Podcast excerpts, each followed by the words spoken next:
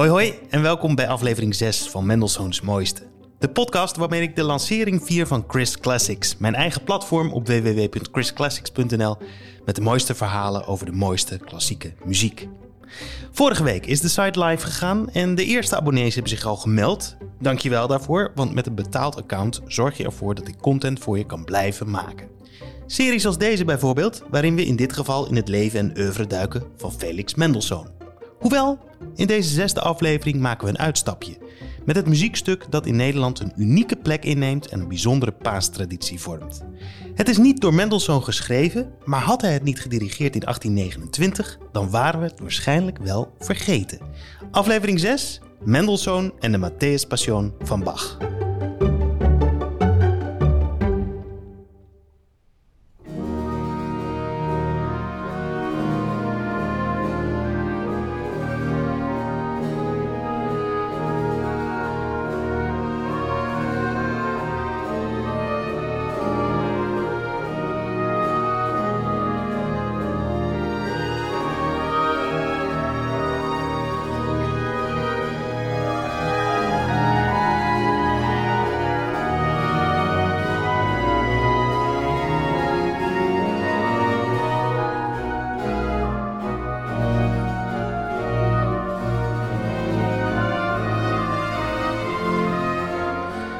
Bach's Matthäus Passion. De verklanking van het lijdensverhaal van Christus, dat in aanloop naar Pasen tegenwoordig overal in Nederland klinkt. We kennen een ware Matthäus-traditie in Nederland, die uniek is in de wereld en al 100 jaar bestaat. Wanneer het eind 19e eeuw enkele keren in Rotterdam en Amsterdam wordt gespeeld, begint de Matthäus-traditie in Nederland met de oprichting van de Bachvereniging in 1921. Zij hebben tot doel de Matthäus Passion uit te voeren in de Grote Kerk in Naarden en dat gebeurt in 1922 voor het eerst. Al gauw is het sindsdien een terugkerend gebruik geworden en nu, 100 jaar later, is er haast geen stad in Nederland meer waar het stuk in aanloop naar Pasen niet klinkt.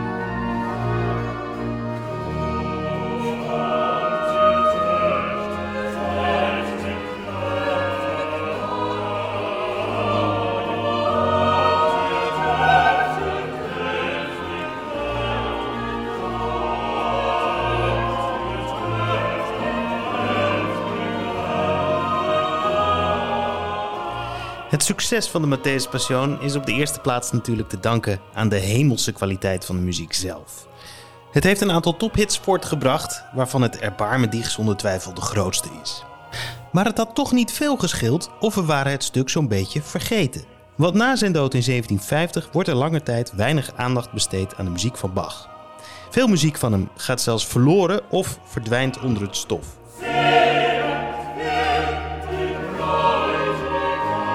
Tot het moment dat een jonge, ambitieuze dirigent en componist aan het begin van de 19e eeuw de partituur onder de ogen krijgt. Hij ziet de kwaliteit van het stuk en vindt de juiste aanleiding om er een uitvoering van te organiseren. Het is 1829, precies 100 jaar geleden dat de Matthäus voor het eerst klonk en dus vindt de 20-jarige Mendelssohn het tijd om het nieuw leven in te blazen.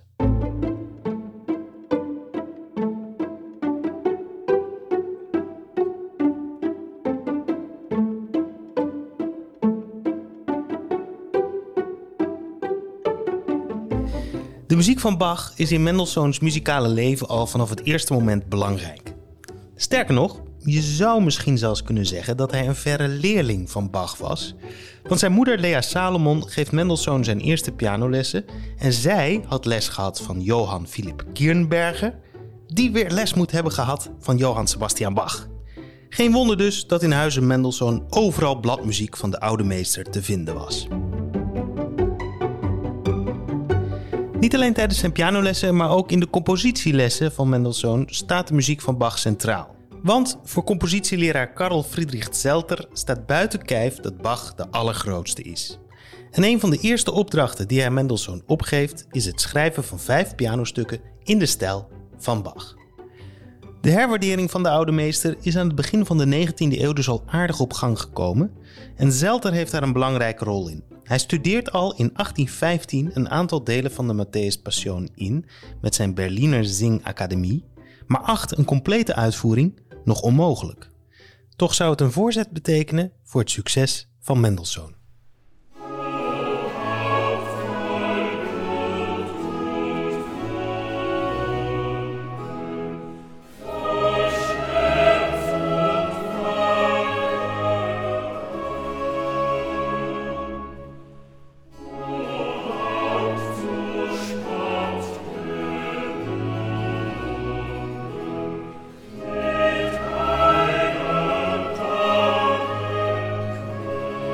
Vanaf 1820 zingt hij wekelijks mee in de Berliner Singakademie.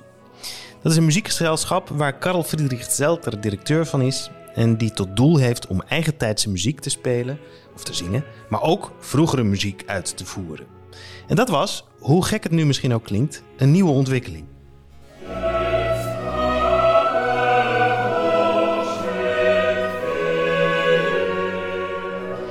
Samen met zijn koormaatje Eduard de Vriend raakt Mendelssohn betoverd door de muziek van Bach die ze zingen. En als ze op een avond in 1828 het eerste deel van de Matthäus hebben doorgenomen, kan de vriend niet slapen. Hij heeft het idee dat ze het belangrijkste stuk uit de Duitse geschiedenis hebben ontdekt.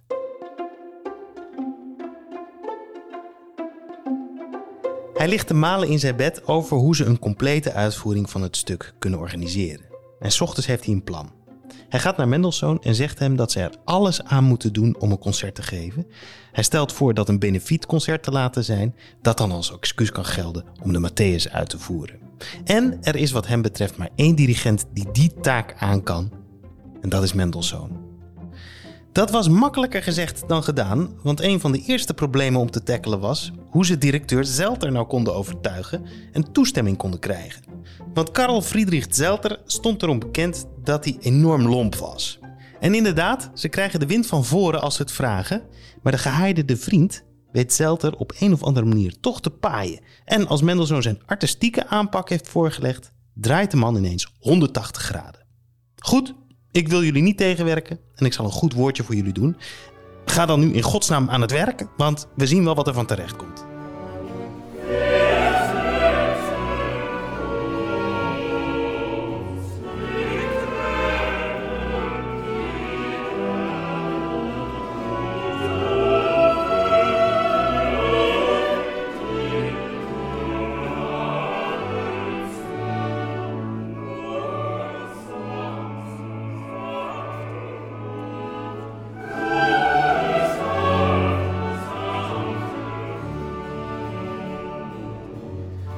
En zo vindt op 11 maart 1829 de eerste complete uitvoering van Bach's Matthäus Passion plaats sinds zijn dood in 1750.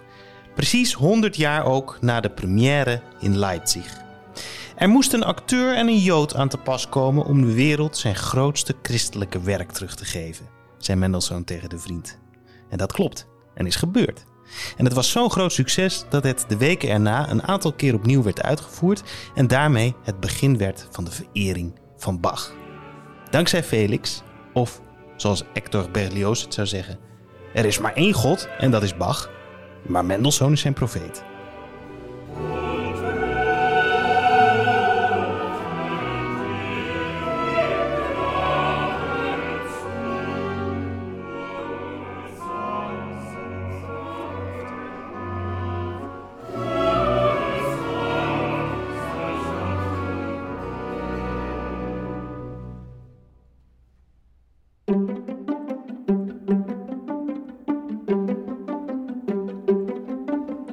En met deze zesde aflevering van Mendelssohn's Mooiste wens ik je een fijne Pasen. Heb je nog niet alle afleveringen beluisterd? Kijk dan vooral op chrisclassics.nl. En daar vind je ook video-opnames waarin ik mijn lievelingsstukken van Mendelssohn voor je speel. De opnames uit deze aflevering waren van de Nederlandse Bachvereniging onder leiding van Jos van Veldhoven. De links naar die opnames vind je natuurlijk terug in de show notes of op de site. En wil je meedenken over het onderwerp van de volgende serie die ik maak? Of gewoon automatisch op de hoogte gehouden worden van nieuwe content? Meld je dan aan voor de gratis mailinglijst op chrisclassics.nl of sluit een betaald abonnement af om het platform te steunen en exclusieve extra's te ontvangen. Mijn naam is Christian Kuivenhoven en tot de volgende keer. Tot de volgende Chris Classics.